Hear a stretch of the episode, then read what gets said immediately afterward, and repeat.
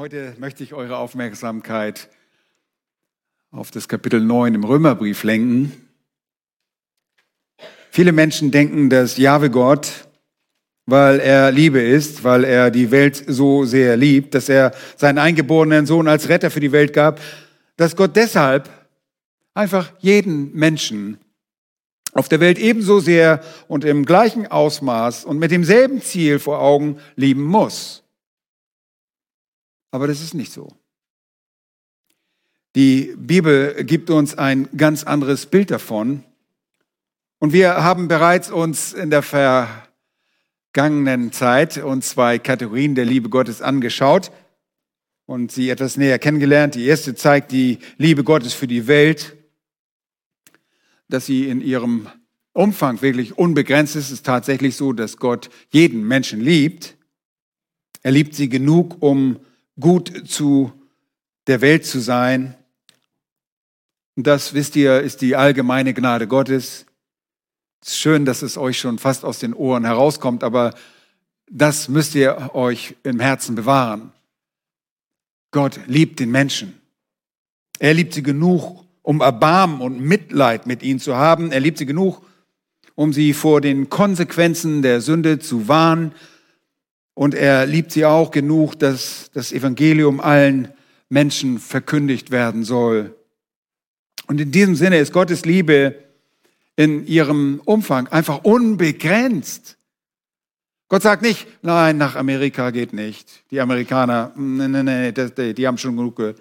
Nein, grundsätzlich überall bis an die Enden der Erde. Nun, zweitens haben wir auch eine andere Kategorie der Liebe Gottes kennengelernt, nämlich, dass die Liebe für die Welt in ihrem Ausmaß begrenzt ist. Er liebt sie alle, aber nicht in demselben Maß, wie er die Sein liebt.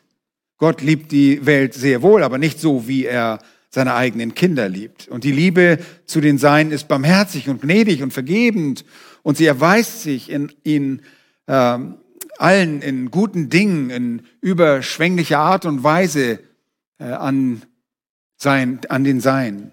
Seine Liebe für die Sein ist die unzertrennliche, die unauslöschliche, die unausschütterliche, unvergängliche Liebe. Erinnern wir uns daran, er wird uns in Ewigkeit Güte erweisen. Kein Ende davon. Immer mehr und immer weiter lieben. Es ist Liebe, die heiligend. Es ist Liebe, die läuternd ist, die züchtigt. Es ist Liebe, die Gottesfurcht hervorruft. Es ist einfach die grenzenlose Liebe, die nur denen vorbehalten ist, die durch Glauben zu ihm gehören. Und dann gibt es eine dritte Kategorie, die, mit der wir uns beim letzten Mal schon beschäftigt haben. Wir haben damit angefangen, sie uns anzusehen und sie werden wir heute etwas weiter ausführen. Und dabei geht es um Jahwes Liebe und wie sie von den Anforderungen seiner Herrlichkeit bestimmt wird. Sie wird von den Anforderungen seiner Herrlichkeit bestimmt. Und das ist eine sehr, sehr wichtige Aussage, bei der wirklich sehr viel auf dem Spiel steht. Jahwes Liebe für die Menschen ist nicht bedingungslos und uneingeschränkt. Sie unterliegt bestimmten Anforderungen, bestimmten Bedingungen.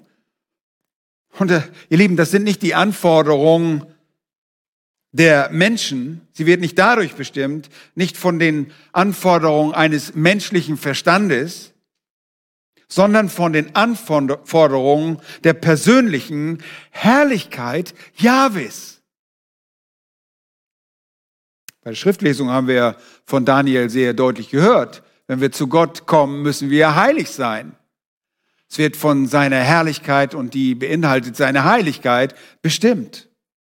Und das bedeutet, Jahwe definiert diese Liebe immer im Einklang mit all seinen Attributen. Es ist nicht nur ein Attribut, das wir hervorheben, sondern alle seine Eigenschaften, alle seine Vollkommenheiten werden dabei berücksichtigt. Und an diesem Punkt haben wir betont, Jahwe Gott liebt, weil er, nicht nur weil er verpflichtet ist, sondern weil er seinen ganzen Charakter, sein ganzes Wesen darstellen will. Und er liebt, er ist nicht verpflichtet, alle Menschen gleich zu lieben. Er ist kein Gefangener seiner Liebe oder schlimmer noch, er ist kein Gefangener der Mutmaßung der Menschen über die Liebe oder der Wünsche der Menschen, wie wir das gerne hätten oder die Menschen das gerne hätten, wie er lieben sollte. Nirgendwo in der Schrift sehen wir, dass Jahwe alle Menschen bedingungslos gleich liebt. Das stimmt einfach nicht. Das tut er nicht. Gottes Liebe gilt vorbehaltlich den Menschen. Denn sie wird bestimmt von den Anforderungen, den er für seine persönliche äh, äh, Integrität unterliegt. Das bedeutet, die Liebe muss im Einklang mit seinem ganzen Wesen stehen. Es reicht nicht nur aus zu sagen, ja, Gott ist Liebe und alles muss Liebe sein und alles andere interessiert uns nicht von Gott. Nein, die Liebe Gottes steht im Einklang mit all den anderen Attributen seiner Person. Jahwe liebt nicht auf eine Weise, die unvermischt und unberührt und unbeeinflusst bleibt, zum Beispiel von seinem Zorn oder seinem Gericht oder seiner Gerechtigkeit oder seiner Heiligkeit. 3. Mose 1 haben wir gerade gelesen. Und Rechtschaffenheit. Mit anderen Worten muss Jahwe auf eine Weise lieben, die all seine anderen persönlichen Attribute widerspiegelt. Und genau das wollen wir uns heute Nachmittag in Römer 9 ansehen. In diesem Kapitel erhalten wir einen wirklich umfassenden Einblick in die Anforderungen von Gottes Herrlichkeit, die an der Errettung der Menschen beteiligt sind. All die Anforderungen, die daran beteiligt sind. Und schon bis zum Ende von Kapitel 8 im Römerbrief, und sollte das Römer, der Römerbrief noch eigentlich ganz gut vor Augen stehen, in Römer 8 sehen wir eine der größten Abhandlungen über die Errettung bis dahin, die je geschrieben wurde. Es dreht sich alles um Gott, der Sünder liebt und diese durch unseren Mittler, nämlich Jesus Christus, rettet. Und es dreht sich alles um die Realitäten der Rechtfertigung und die Realitäten der Heiligung. Und es geht darum, dass wir verdorbene Sünder sind, dass wir sterben und wieder wie Christus auferweckt werden und dann in einem neuen Leben wandeln. Es dreht sich alles um das Heil. Und dieses Heil, diese Errettung fußt deutlich auf der Voraussetzung von Gottes Liebe für Sünder. Acht Kapitel über Gottes errettende Liebe, bevor wir jetzt zu Kapitel 9 kommen. Und Kapitel 9 hat auch mit Gottes rettender Liebe zu tun. Aber dort sehen wir, wie Gottes errettende Liebe sich mit allen anderen Attributen seiner Person zusammenfügt. Sie alle müssen mit, im Einklang mit seinem Heilsplan berücksichtigt werden. Letzten Sonntag, beim Auferstehungssonntag, haben wir kurz äh, Römer 1 und Vers 16 angesehen. Da heißt es, denn ich schäme mich des Evangeliums nicht, denn es ist eine Kraft Gottes, die selig macht alle, die daran glauben, die Juden zuerst und ebenso die Griechen. Gottes Liebe ist eine gute Nachricht für jede Person auf der Erde. Absolut jede Person auf der Erde, für Juden, und auch für die Heiden. Und diese Botschaft besagt, dass wenn ihr glaubt und dieser guten Botschaft des Evangeliums glaubt, dieser Kraft Gottes, dass sie euch zur Rettung wird. Dass sie euch rettet. Dass der Herr euch rettet. Und das zeigt sich, dass sich Jahwe das Liebe zunächst auf alle Menschen erstreckt.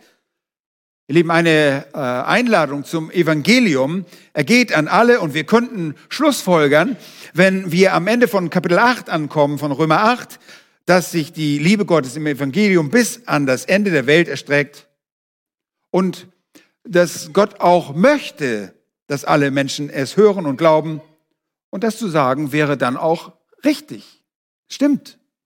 Aber dann käme natürlich sofort die Frage, wenn es Jahwes Wunsch, wenn es Gottes Wunsch ist, dass niemand verloren geht und die Apostel die Wahrheit bis ans Ende der Welt verkünden sollten, warum gibt es dann immer noch Menschen, die nicht errettet werden? Vor allen Dingen, wenn das doch Gottes Wille ist. Und das ist wirklich die Frage, die wir dann auch in Römer 9 und 10 und 11 beantwortet sehen. Lasst uns Römer 9 aufschlagen, wenn ihr es nicht schon lange habt, gleich nach dem lobpreisenden Abschluss von Kapitel 8, der die errettende Liebe Gottes der ersten acht Kapitel zusammenfasst. Da heißt es jetzt in Kapitel 9 und Vers 1, ich sage die Wahrheit in Christus. Ich lüge nicht, wie mir mein Gewissen bezeugt im Heiligen Geist, dass ich große Traurigkeit und unablässigen Schmerz in meinen Herzen habe. Ich wünschte nämlich, selber von Christus verbannt zu sein für meine Brüder, meine Verwandten nach dem Fleisch, die Israeliten sind. Und versteht ihr, was er hier sagt? Er sagt, ich empfinde diesen großen, großen Schmerz, diesen Kummer. Ich würde mir beinahe meine eigene Verdammnis wünschen, wenn ich damit die Errettung meiner Volksgenossen der Juden erreichen könnte.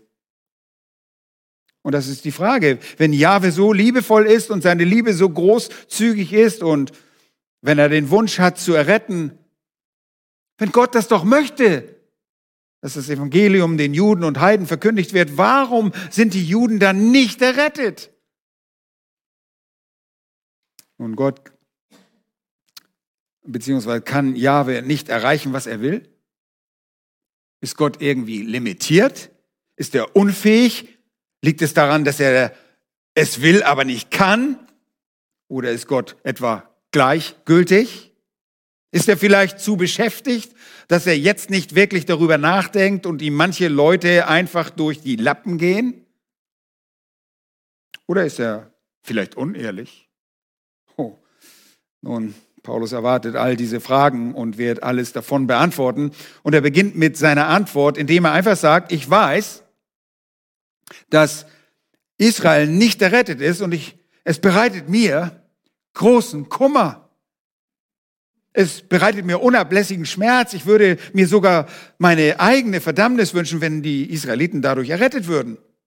So wichtig ist mir das. Und er drückt dadurch etwas von Gottes Schmerzen aus. Er weint ähnlich wie der Prophet Jeremia, wie wir heute Morgen auch im Männertraining betrachtet haben. Er weint die Tränen Gottes über den Unglauben Israels. Und auch Jesus selbst weinte über die Verlorenheit Jerusalems. Es war ihm nicht gleichgültig. Das Herz Gottes ist bekümmert und es ist traurig. Und Paulus spiegelt das als Botschafter Jesu Christi auch wieder. Und er sagt in Vers 4, die Sache, die das so traurig macht, ist, dass die Israeliten diejenigen sind, denen die Sohnschaft und die Herrlichkeit und die Bündnisse gehören und die Gesetzgebung und der Gottesdienst und die Verheißung. Ihnen gehören auch die Väter an. Und von ihnen stammt dem Fleisch nach der Christus, der über alle ist, hochgelobter Gott in Ewigkeit. Mit anderen Worten sagt er nur, dass sie die privilegiertesten aller Menschen sind, Sie illustrieren den Punkt sehr deutlich. Wenn Gott einen solchen wunderbaren Plan für die Errettung entwickelt hat, der die Welt erreichen soll und als ein Ausdruck von Gottes großer Liebe weiterreichend ist, warum gibt es dann Menschen, die nicht errettet werden? Und ganz besonders, warum werden die Juden nicht errettet? Hm. Schließlich sind sie nicht einfach irgendwelche Leute. Sie sind doch das auserwählte Volk. Und sie werden Erstgeborene Jahwes genannt. Zu ihnen kam die Shekinah-Herrlichkeit, die sie durch die Wüste führen sollte. Sie erhielten die Bündnisse und das Gesetz und den Tempel und die alle Verheißungen.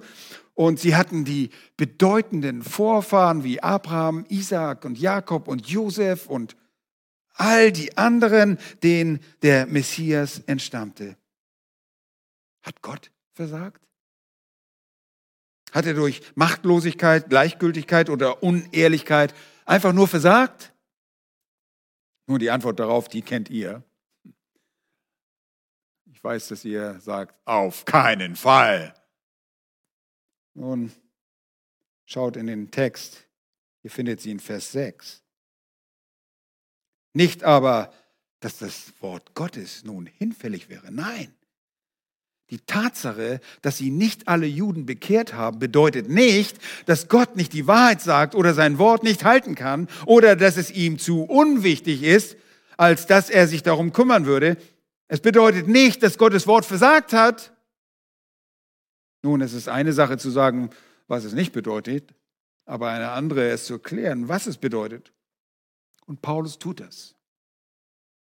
Und er beginnt mit der Erklärung in diesem Vers 6 und fährt bis zum Ende des Kapitels mit seiner Erklärung fort. Und er sagt in dem Abschnitt, ihr müsst Gottes Kraft zur Errettung, Gottes errettende Liebe und Gottes Heilsplan als Gesamtplan im Einklang mit all seinen anderen Attributen verstehen. Ihr müsst denken. Und das müsst ihr verstehen. Mit anderen Worten, seine Liebe kann seinen Zorn nicht ein Ende setzen.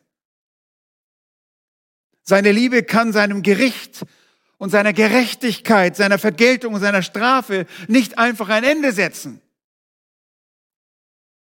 All diese Dinge sind, so wie die Liebe, ebenfalls ein Teil Gottes. Sie alle machen seinen Charakter aus. Alles, was Gott im Hinblick auf die Liebe tut, geschieht in perfekter Harmonie mit jedem anderen seiner Attribute. Nun, es ist euch wahrscheinlich allen klar, dass der gesamte Zweck des Heilplans auf die Ehre Gottes abzielt. Wir betonen das immer wieder, dass alles, was wir auch tun, wollen wir zu seiner Ehre tun. Und so ist es auch mit seinem ganzen Heilsplan. Ja, in seiner Ehre und vor den Engeln und vor den Menschen möchte Gott verherrlicht werden. Alles zielt auf seine Ehre ab. Und ihr Lieben, damit Gott sich selbst verherrlichen kann, muss er sich wie offenbaren? Ein bisschen? Ein bisschen von sich selbst? Nein, komplett. Nur seine Liebe? Nein, komplett.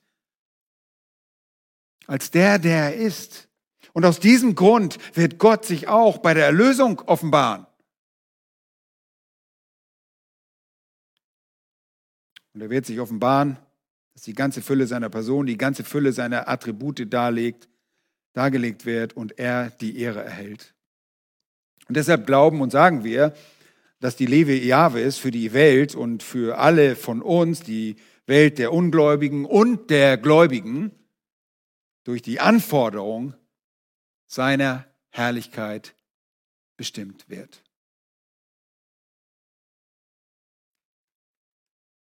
Denn letzten Endes dient seine Liebe seiner Selbstverherrlichung. Das müssen wir verstehen. Und wenn wir das verstehen, dann können wir auch sehen, was der Rest des Kapitels uns zu offenbaren hat. Und ich möchte heute zwei der dort sieben erkennbaren Attribute Gottes zeigen. Zwei heute und den Rest beim nächsten Mal. Die zwei Attribute, die im Einklang mit seiner Liebe sein müssen. Zwei Attribute Gottes, die mit seiner Liebe harmonieren, harmonieren und ihn verherrlichen. Das ist das Thema. Ja, ihr seid ganz schnell, ja. Paulus gibt diese sieben Attribute in seiner Antwort auf diese Fragen und sie alle harmonieren perfekt mit Gottes Lieben. Erstens wird er durch seine Souveränität verherrlicht. Durch seine Souveränität. Vers 6. Nicht aber, dass das Wort Gottes nun hinfällig wäre. Jetzt kommen die Gründe, denn nicht alle, die von Israel abstammen, sind Israel. Oh, was sagt Paulus denn jetzt? Er sagt, dass es zwei Israels gibt. Wie bitte? Ja, es gibt zwei Israels. Es gibt Israel als Abkömmling, als Abkömmling, als eine physische Nation und physische Nachkommen. Das ist das natürliche Israel. Das ist die jüdische Rasse, die dem Schoß Abrahams das, äh, entsprang, das natürliche physische Israel. Aber nicht alles von diesem Israel ist das wahre Israel. Mit anderen Worten, innerhalb des natürlichen Israels gibt es auch ein geistliches Israel. Deshalb die Unterscheidung zwei Israels. Schaut einmal auf Römer Kapitel 2 und dort die Verse 28 und 29. Da heißt es, denn nicht der ist ein Jude, der es äußerlich ist, auch ist nicht das die Beschneidung, die äußerlich am Fleisch geschieht, sondern der ist ein Jude, der es innerlich ist. Und seine Beschneidung geschieht am Herzen, im Geist, nicht dem Buchstaben nach. Seine Anerkennung kommt nicht von Menschen, sondern von Gott. Deutlich. Damit sagt er hier, seht mal, Gott hat nie beabsichtigt, das ganze Israel zu retten. Gottes Wort hat nicht versagt und es ist auch nicht so, dass Gott machtlos oder gleichgültig oder gar unehrlich ist. Nein, Gott hat nie vor und hatte nie vor, alle Juden zu retten. Und das muss euch klar sein, denn wenn Gott gewollt hätte, dass alle Juden gerettet werden, dann hätte er sie gerettet. Denn, was besagt das? Wenn Gott allmächtig ist, er hätte machen können, was er will. Er hätte auch alle retten können. Aber er möchte alle Attribute seines Wesens darstellen und offenbaren. Und das ist nicht schwer zu verstehen, aber es ist genau das, was die Schrift sagt. Und das ist im Einklang mit der Souveränität Gottes. Nun, Israels Unglaube macht Gottes Wort nicht ungültig. Es schmälert nicht die Integrität seines Charakters. Es bedeutet nicht, dass er machtlos, gleichgültig oder Gott verbiete unehrlich wäre.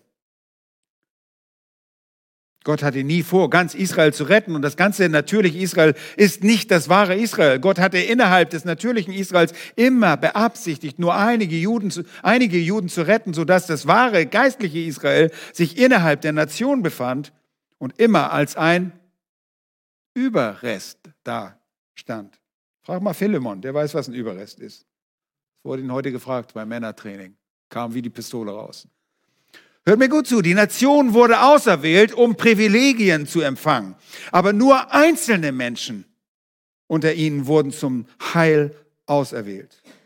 Und das wahre Israel ist das Israel des Glaubens, das Auserwählte, auserwählt zum Heil. Und so beantwortet Paulus das, indem er sagt, dass Gott in seiner Souveränität verherrlicht wird. Das ist das erste der sieben Attribute. Das erste der zwei, Gott wird in seiner Souveränität verherrlicht, in seiner Erhabenheit. Er steht über all dem. Sie manifestiert, wer er ist, um der ganzen Schöpfung zu beweisen, dass er alles unter Kontrolle hat. Er trifft Entscheidungen. Er steht über allem. Vers 7 geht es weiter. Auch sind nicht alle, weil sie Abrahams Same sind, Kinder. Damit sagt er dieselbe Sache. Sie sind nicht alle geistliche Kinder, sondern äh, nur weil sie Nachkommen Abrahams sind. Also nicht jeder, der ein Jude ist, nicht jeder, der dem physischen Samen entspringt, war dazu bestimmt, ein Kind Gottes zu sein, sagt er. Und auch hier sagt er das Gleiche noch einmal. Und er bietet Beweise an. Und hier ist eine Illustration. Hier illustriert er das. In Vers 7 zitiert er aus 1. Mose, ähm, Kapitel 21, Vers 12. Und das geht auf die Zeit zurück, als Gott damals Abraham und die Nation auserwählte und Gott sagte, in Isaak, in Isaak soll dir ein Same berufen werden. Und als Jahwe Abraham erwählte, traf er eine Entscheidung und überging dabei alle anderen. Und als er dann Abraham auserwählt hatte, gab er ihm eine Frau namens Sarah und verhieß ihn, dass er durch Abrahams Samen nicht nur Segen bringen würde und durch seine Nachkommen nicht nur eine Nation Israel entstehen würde, sondern dass es unter diesen Menschen auch eine Berufung oder eine ähm, Auserwählung zum geistlichen Heil geben würde. Aber Jahwe war selektiv. Er wählte. Denn Abraham hatte zunächst wie viele Söhne? Zwei Söhne. Und ihr erinnert, der Erstgeborene Sohn Abrahams hieß Ismael. Und er war nicht Sarahs Sohn, sondern Hagars Sohn einer Magd, aber er war dennoch der erstgeborene Sohn Abrahams. Aber ihr Lieben, Jahwe überging Ismael. Und der zweitgeborene Sohn, der Sohn von Abraham und Sarah, war Isaak. Und Gott erwählte Isaak. Der Apostel Paulus sagt hier von Anfang an, schaut, nicht jeder, der ein Nachkomme Abrahams ist, wurde von Gott auserwählt. Gott hat Ismael übergangen. Und das illustriert Gottes souveränen Prozess der Auserwählung. Und er hatte immer vor, auszuerwählen. Ismael oder Ismael wurde ausgeschlossen, wurde abgelehnt. Und ihr fragt jetzt vielleicht, aber wie kommt das? Wie, wie kann Gott das einfach machen? Und dieses Auserwählen demonstriert, wer Gott ist. Er ist absolut souverän, er kann machen, was er will. Es demonstriert, dass Gott die ultimative Entscheidungshoheit besitzt. Es ist, er ist souverän, er ist erhaben und er ist selektiv. Das zeigt seine majestätische Kontrolle über alle Dinge. In Vers 8 geht es weiter. Das heißt, nicht die Kinder des Fleisches, also er schränkt es weiter ein, also die leiblichen Kinder von Abraham oder Isaac sind Kinder Gottes, sondern die Kinder der Verheißung werden als Same gerechnet. Mit anderen Worten macht er einfach mit demselben Gedanken weiter. Jahwe hat gewisse Menschen in der Nation Israel als Kinder des Fleisches auserwählt, aber nicht alle Kinder des Fleisches sind auch Kinder der Verheißung. Die Verheißung bezieht sich auf geistliche Realität. Das Fleisch bezieht sich auf physische. Und er sagt also wieder einfach, dass Jahwe Gott eine Wahl getroffen hat. Und seine Wahl war, ich werde einen Menschen erwählen und der hieß Abraham. Und aus seinem Samen Abrahams gingen zwei Söhne hervor und ich werde einen davon erwählen, nämlich Isaak. Und aus dem Samen Isaaks werden Kinder des Fleisches hervorgehen und unter diesen Kindern des Fleisches werde ich einige als Kinder der Verheißung auswählen. Wow, ist das kompliziert, ja? Nein, das ist gar nicht so schlimm. Isaak war im Sinne des Bündnisses ein Kind der Verheißung. Und aus seinem Samen gingen sowohl Kinder des Fleisches als auch Kinder der Verheißung hervor. Und dann lesen wir in Vers 9, denn das ist ein Wort der Verheißung. Um diese Zeit will ich kommen und Sarah soll einen Sohn haben. Vers 9 zitiert hier 1. Mose 18,10, wo Jahwe sagt, ich werde den Sohn von Sarah auserwählen, nicht den von Hagar. Also nicht den von der Magd, sondern tatsächlich durch die eigene Ehefrau, die schon so alt war, dass man nicht mehr damit gerechnet hat, dass sie überhaupt noch Kind bekommen würde. Aber warum tat Jahwe das?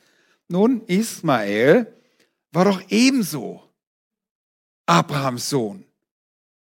Und das Recht des Erstgeborenen wurde über den Vater übertragen. Auf gewisse Weise war es zur Zeit der Patriarchen egal, wer die Mutter war. Warum? Einfach, weil Jahwe souverän ist. Einfach, weil er eine Auswahl trifft, weil er alle Zügel in der Hand hält. Und das demonstriert seine absolute, unbeeinflussbare Souveränität. Das ist eine starke, wirklich sehr starke Illustration der bedingungslosen Erwählung in ihrer eindeutigsten Form. Jahwe sagte, ich werde Ismael übergehen und Sarah wird einen Sohn haben und er, er wird der Auserwählte sein. Wer hat es sich ausgesucht? Jahwe. Jahwe, Gott hat es ausgesucht. Er traf die Entscheidung. Und Abraham hatte zwei Söhne, später noch mehr Söhne, aber nur einer davon wurde von Jahwe auserwählt und das ist Isaak. Aber glaubt man nicht, dass es damit schon aufhört. Das ist noch nicht das Ende, denn selbst Isaak hatte zwei Söhne, Jakob und Esau. Oder soll ich erst sagen Esau und Jakob? Der erstgeborene Esau und dann Jakob. Betrachtet einmal Vers 10 jetzt. Und nicht allein dies, sondern auch als Rebekka von ein und demselben, von unserem Vater Isaac schwanger war, schaut mal äh, weiter zu Vers 12, wurde zu ihr gesagt, der Ältere wird dem Jüngeren dienen. Ja, wie sagte das in 1. Mose 25, 23. Er sagte, ich treffe die Entscheidung und wähle den Jüngeren. Hm, das entsprach nicht dem Standard. Das war eigentlich nicht Sitte. Es hätte Ismael und es hätte hier Esau heißen sollen, wenn es nach der Landessitte gegangen wäre, wenn man das Erbrecht der Erstgeborene in Erwägung gezogen hätte. Ihr wisst, als die Zwillinge geboren wurden, kam Esau zuerst auf die Welt und ihm stand das Erstgeburtsrecht zu. Esau hatte Anspruch auf die Erbschaft, aber ihr erinnert euch sicherlich genauso, dass Esau dieses Recht gering schätzte.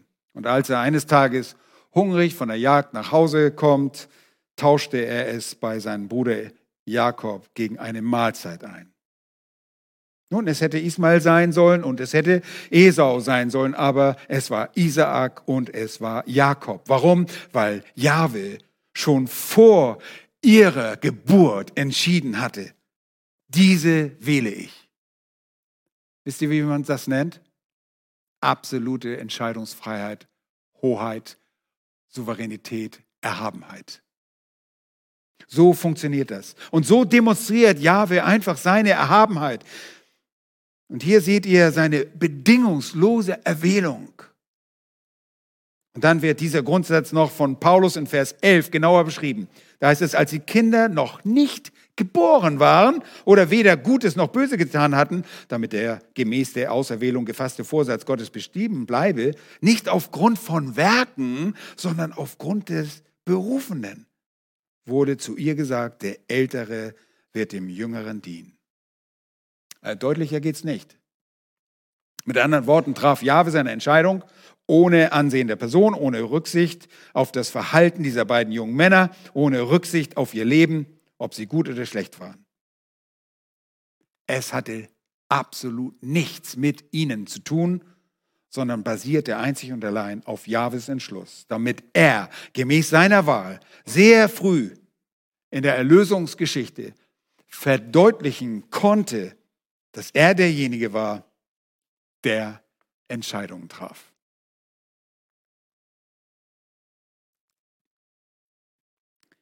Jahwe machte fest, dass der Status als Kind der Verheißung, als Kind Gottes, als wahrer Jude, als wahrer Israelit im Herzen eine göttliche Entscheidung war. Das ist nicht menschlich. Bevor also diese Zwillinge geboren wurden, bevor Isaac geboren wurde, sagte Jahwe, der Ältere wird dem Jüngeren dienen, denn so will ich es um zu demonstrieren, dass mein Vorsatz gemäß der von mir getroffenen Wahl bestehen bleibe. Und die Frage ist, was Jahwe hier zur Schau stellte. Und die Antwort ist ganz einfach. Es ist seine Souveränität. Er sagte, ihr sollt mich anbeten, ihr sollt mich verehren und ehren und mich respektieren, mich loben und mich verherrlichen. Und um das zu tun, müsst ihr die Wahrheit über mich verstehen. Und das beginnt damit, dass ihr zunächst erkennt, dass ich derjenige bin, der die Zügel für alle Dinge in dieser Welt in der Hand hält. Ich bin souverän. Gott wählt die Dinge. Gott entscheidet Schicksale, bevor Männer und Frau geboren werden, ohne Ansehen ihrer Person.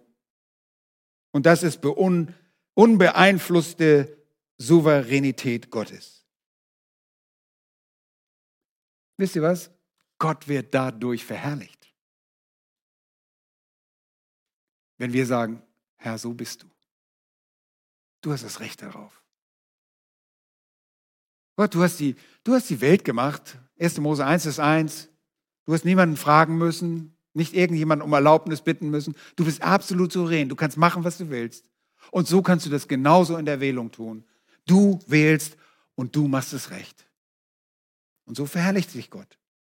Und dann kommt ihr zu Vers 13, wo es heißt, wie auch geschrieben steht, und das ist ein Zitat aus Maleachi, Kapitel 1, 2 und 3, wie auch geschrieben steht, Jakob habe ich geliebt und Esau aber habe ich gehasst. Unglaublich, oder? Die Liebe Gottes ist derart selektiv und sie wird von den Anforderungen seiner Herrlichkeit bestimmt. Jahwe wird in seinen souveränen Entscheidungen verherrlicht. Nun, vielleicht sagt ihr jetzt, das ist wirklich schwer zu glauben, zu sagen, Esau habe ich gehasst. Aber hört gut, gut zu. Wenn Gott nicht hassen würde, dann würden wir seine Liebe nicht verstehen. Du würdest überhaupt nicht verstehen. Das ist genauso mit der Schönheit. Du wüsstest nicht, was schön ist, wenn du nicht was Hässliches kennen würdest, oder? Wir würden die Großherzigkeit, die wunderbare Großherzigkeit seiner souveränen Liebe nicht verstehen, wenn es keinen Hass gäbe. Aufopfernde, rettende Liebe wird dadurch offenbart, dass Gottes heiliger Hass manifestiert wird. Und er ist gerechtfertigt. Es ist nicht so, dass, was, Esau, das ist ja nicht gerecht, wieso hast du? Moment, schaut euch mal das Leben von Esau an und ihr wisst wissen, warum der Hass gerechtfertigt ist. Und Jahwe wird sich den Menschen und Engeln immer für immer offenbaren und wir werden sehen und haben bereits gesehen, dass Jahwes Liebe etwas bedeutet, denn Jahwes Hass bedeutet auch etwas. Und es ist zum Staunen, wenn wir Jahwes Liebe für unwürdige Sünder sehen. Sie entspringt vollkommen seinem eigenen heiligen Willen. Und wenn wir hier sitzen als Kinder Gottes, dann sollte dir einfach nur die Ohren schlackern. Vor Begeisterung und vor Bewunderung dass Gott dich dazu bestimmt hat, zu glauben. Und das, obwohl er doch jeden Grund hätte, uns auch zu hassen, oder? Gerechtfertigterweise. Aber ihr Geliebten, das ist die Herrlichkeit seiner souveränen Liebe. Gott wird also in seiner Souveränität verherrlicht. Er traf Entscheidungen und diese Entscheidungen werden beinhalten, wen er bis zum Äußersten und wen er ewig lieben wird. Er liebt die Welt in einem gewissen Sinne, aber wie schon gesagt, verwandelt sich diese Liebe in Hass, wenn es keine entsprechende Reaktion auf seine Liebe gibt. Und die Seinen hingegen liebt er mit einer unzerbrechlichen Liebe. Und sie wird sich niemals in irgendetwas anderes verwandeln. Sie bleibt immer Liebe. Jahwe Gott wird also in seiner Souveränität verherrlicht und was auch immer seine Liebe ist, sie wird im Rahmen der Manifestation seiner Souveränität existieren, die für manche Menschen Liebe ist und für andere Menschen Hass bedeutet. Und das beweist nichts anderes, dass er die Zügel in der Hand hält. Es beweist nichts anderes, als dass er derjenige ist, der Entscheidungen trifft und getroffen hat. Zweitens wird Gott nicht nur durch seine Souveränität verherrlicht, sondern auch durch seine Gerechtigkeit. Seine Gerechtigkeit. Paulus nahm vorweg, was jemand hier einwenden würde. Schaut mal in Vers 14. Was wollen wir nun sagen? Was wollen wir nun darüber sagen? Wollen wir sagen, dass Gott ungerecht ist, dass das ungerecht ist? Da könnte man ja denken, oh, der hat jemanden erwählt, jemand geliebt und jemand anders nicht. Das ist ja ungerecht. Nun, das ist es, was hier vermutet, was er hier vermutet, dieser imaginäre Einwand, dieses äh, antizipierte, also dieses erwartete Einwenden von irgendjemandem. Und das ist ein echter Einwand für jeden, der diese Angelegenheit durchdenkt und sie sich vorstellt. Es ist eine Art von einem imaginären Gegner, der hier diese Fragen einwerft. Aber Paulus beantwortet diese Fragen alle, alle im Römerbrief. Und das ist ein Teil seines polemischen Stils, ein Teil seines Dialogs in der logischen Abfolge seiner Argumentation. Und hier geht er von der Frage oder dem Einwand aus, dass es nicht fair sei, nicht gerecht sei. Es ist nicht fair, diesen Einwand antizipiert er. Es ist nicht fair, dass Gott Jakob liebt und nicht Esau. Es ist doch nicht fair, dass Gott noch vor ihrer Geburt den Jüngeren und dem Älteren vorzog. Das ist nicht fair. Dass Jahwe Isaac wählte und nicht Ismael. Das ist alles nicht fair. Seht ihr, und wir können das gut nachvollziehen. Ich glaube, wenn wir das lesen, denken wir, ja, Mensch, das ist ja komisch. Also, nun, es ist umso wichtiger fair, äh, umso weniger fair, als dass sie nichts mit ihrer Erwählung zu tun hatten. Gar nichts. Und wisst ihr, dieser Vorwurf erschallt bis in die Kreise unserer evangelikalen Welt heutzutage. Die sagen, das ist nicht fair. Was Gott da macht, das ist doch nicht fair. Diesen Gott müssen wir irgendwie anders auslegen. Und man kommt mit irgendwelchen humanistischen geprägten Vorstellungen, tritt man an das Wort heran und dreht es sich hin, bis es einem recht ist. Nun, Gott sei nicht fair, so behauptet man. Ist Jahwe unfair im Sinne von ungerecht? Und die Antwort findet ihr in Vers 14. Da steht, ist etwa Ungerechtigkeit bei Gott? Antwort? Das sei ferne. Paulus fügt im Griechischen die stärkste Verneinung in dieser Sprache hinzu, megenotoi. Nein, nein, nein, nein, nein. Ich bin nicht aufsässig, nein. Solch ein Gedanke ist verrückt, sagt er. Bedeutet die Tatsache, dass Gott auserwählt hat, dass er unfair, ungerecht ist? Nein, auf keinen Fall, sagt er. Das bedeutet es nicht. Fairness sendet alle von uns in die äußerste Hölle. Auf keinen Fall. Gerechtigkeit verdammt jeden und darüber hinaus würde Gott nie etwas Unfaires tun. Man kann ihn vielleicht beschuldigen, selektiv gnädig zu sein, aber unfair in diesem Handeln? Nein, auf keinen Fall. Ihr Lieben, ich glaube, keiner von euch und ich auch nicht, wir wollen keine Fairness. Ich will nicht fair, ich will keine menschliche Gerechtigkeit. Ich möchte Gottes Barmherzigkeit und dann Gottes Gerechtigkeit durch seinen Sohn Jesus Christus. Ich habe selbst keine Gerechtigkeit in mir und ich möchte nicht eine Gerechtigkeit ohne den Sohn Gottes und ohne seine Barmherzigkeit. Gott könnte nie beschuldigt werden, ungerecht oder unfair zu sein. Wenn wir überhaupt etwas sagen könnten, nochmals, dann vielleicht, dass er selektiv gnädig ist. Aber auch das basiert auf seiner Souveränität. Gott bewahre uns davor, so zu denken. In 1. Mose 18, 25 heißt es, sollte der Richter aller Welt nicht gerecht richten? Und ihr fragt jetzt vielleicht, ist es denn überhaupt gerecht, wenn er jemanden rettet? Ja, denn er hat in der Person Jesu Christi ein Opfer für Sünder dargebracht. Ein Opfer, das sein Verlangen nach Gerechtigkeit voll befriedet hat. Wir werden nicht gerettet, weil wir so tolle Hechte sind, weil wir etwa eine Gerechtigkeit und sondern es ist seine Gerechtigkeit, die er uns zuschreibt. Die Sünden aller Gläubigen wurden von Christus bezahlt. Und sie wurden in Geduld getragen, bis Christus kam. Die Gerechtigkeit Gottes wurde durch Christus Genüge getan und er kann Gnade gewähren. Im Übrigen, das, was Jahwe tut, ist immer der Inbegriff von Gerechtigkeit. Es ist nicht wie bei einem irdischen Richter, der zwar meistens das Richtige macht, aber weil er ein Mensch ist, wird er nicht jedes Mal das Richtige tun. So ist es bei Gott nicht. Gott tut immer das Richtige.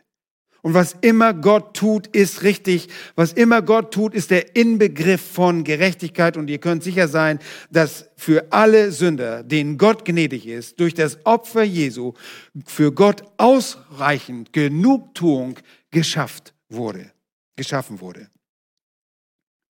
Und genau das geschah am Kreuz.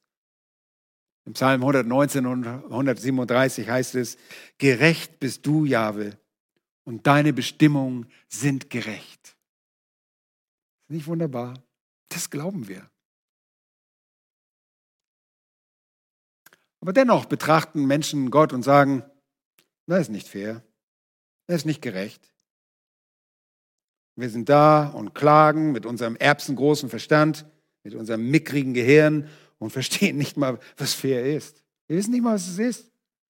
Wir verstehen nicht, was gerecht ist, außer von einer gefallenen menschlichen Perspektive aus.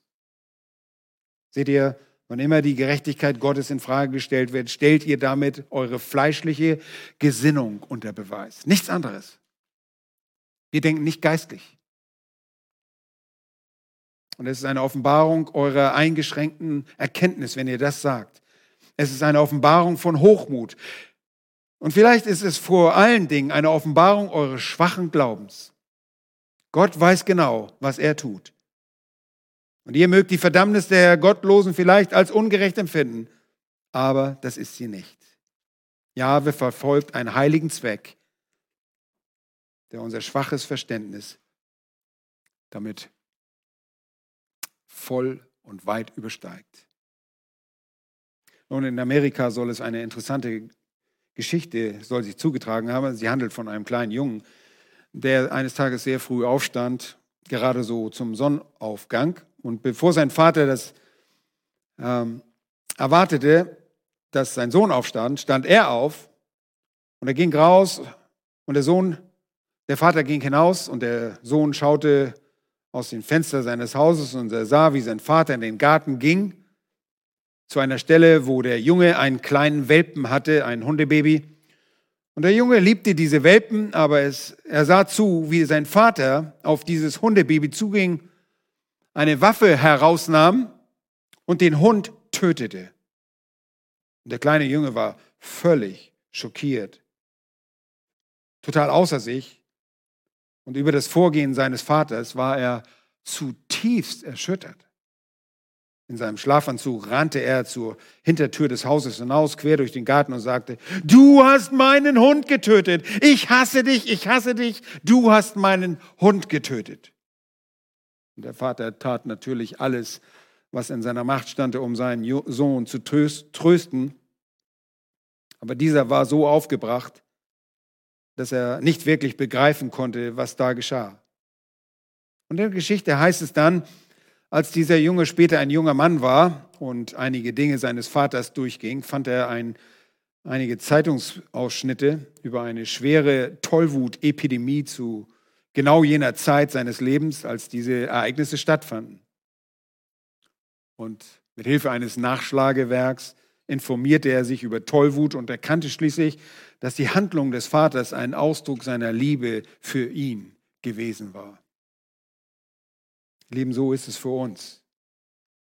Ihr könnt Gottes Motive aus der Perspektive eines Kindes nicht begreifen. Aber wir können lernen, ihm zu vertrauen. Ist es nicht so? Ich verstehe längst nicht alles, was Gott macht. manchmal, ich habe einfach manchmal keine Antwort. Ich weiß es nicht. Aber ich vertraue ihm, dass das, was er macht, dass es richtig ist.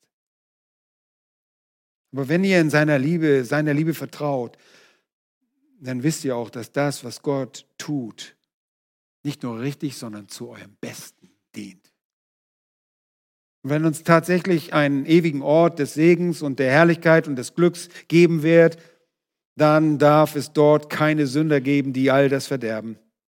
Und deshalb heißt es auch dann später in der Offenbarung Kapitel 22, dass keiner von ihnen in den Himmel kommen wird. Der Herr kennt seine Motive, kennt die Motive dieser Menschen und der Herr kennt auch alle seine eigenen Pläne, seine eigenen Pläne und er kennt seine, vor allen Dingen kennt er seinen Ratschluss. Gott vergisst nicht seinen Ratschluss. Stellt bitte nie in Frage. Verrückt oder ungerecht, fragt Paulus. Nein, nein, nein, nein. Gott ist nicht ungerecht. Gott hat sein Verlangen nach Gerechtigkeit befriedigt und tut, was richtig ist. Ihr Lieben, deshalb, Gottes Liebe muss und muss immer im Einklang mit seinen Attributen stehen, mit seiner Souveränität, mit seiner Gerechtigkeit. Aber das ist nur der Anfang und am nächsten Sonntag, so der Herr will, und wir leben, werden wir uns die übrigen fünf Attribute ansehen, die bei seiner Selbstoffenbarung und Verherrlichung nicht fehlen dürfen. Und dazu nehmen wir uns wieder Römer Kapitel 9 und dann ab Vers 15 vor Augen. Lasst uns dem Herrn danken, dass wir ihm vertrauen können und dass er uns die Antworten aus seinem Wort schenkt. Herr, wir loben und preisen dich. Wir danken dir, dass du uns dein perfektes Wort gegeben hast und uns einen Einblick, auch wenn auch einen eingeschränkten Einblick, aber einen Einblick in deine Ratschlüsse gegeben hast. Wir vertrauen darauf, dass das, was du tust, richtig ist.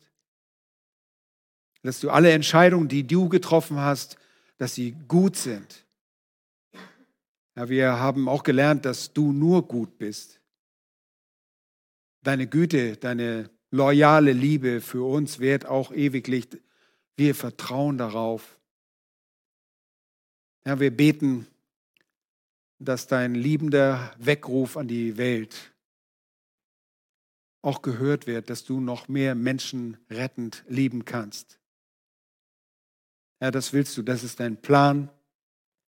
Wir wollen unserer Verantwortung nachkommen, dich zurücklieben, indem wir auch Instrumente in deiner Hand sind, dass wir dein kostbares Evangelium verkündigen, damit Menschen gerettet werden können, gemäß deinem Ratschluss. Hab Dank dafür, dass wir dir vertrauen können, denn du bist ein gerechter Gott.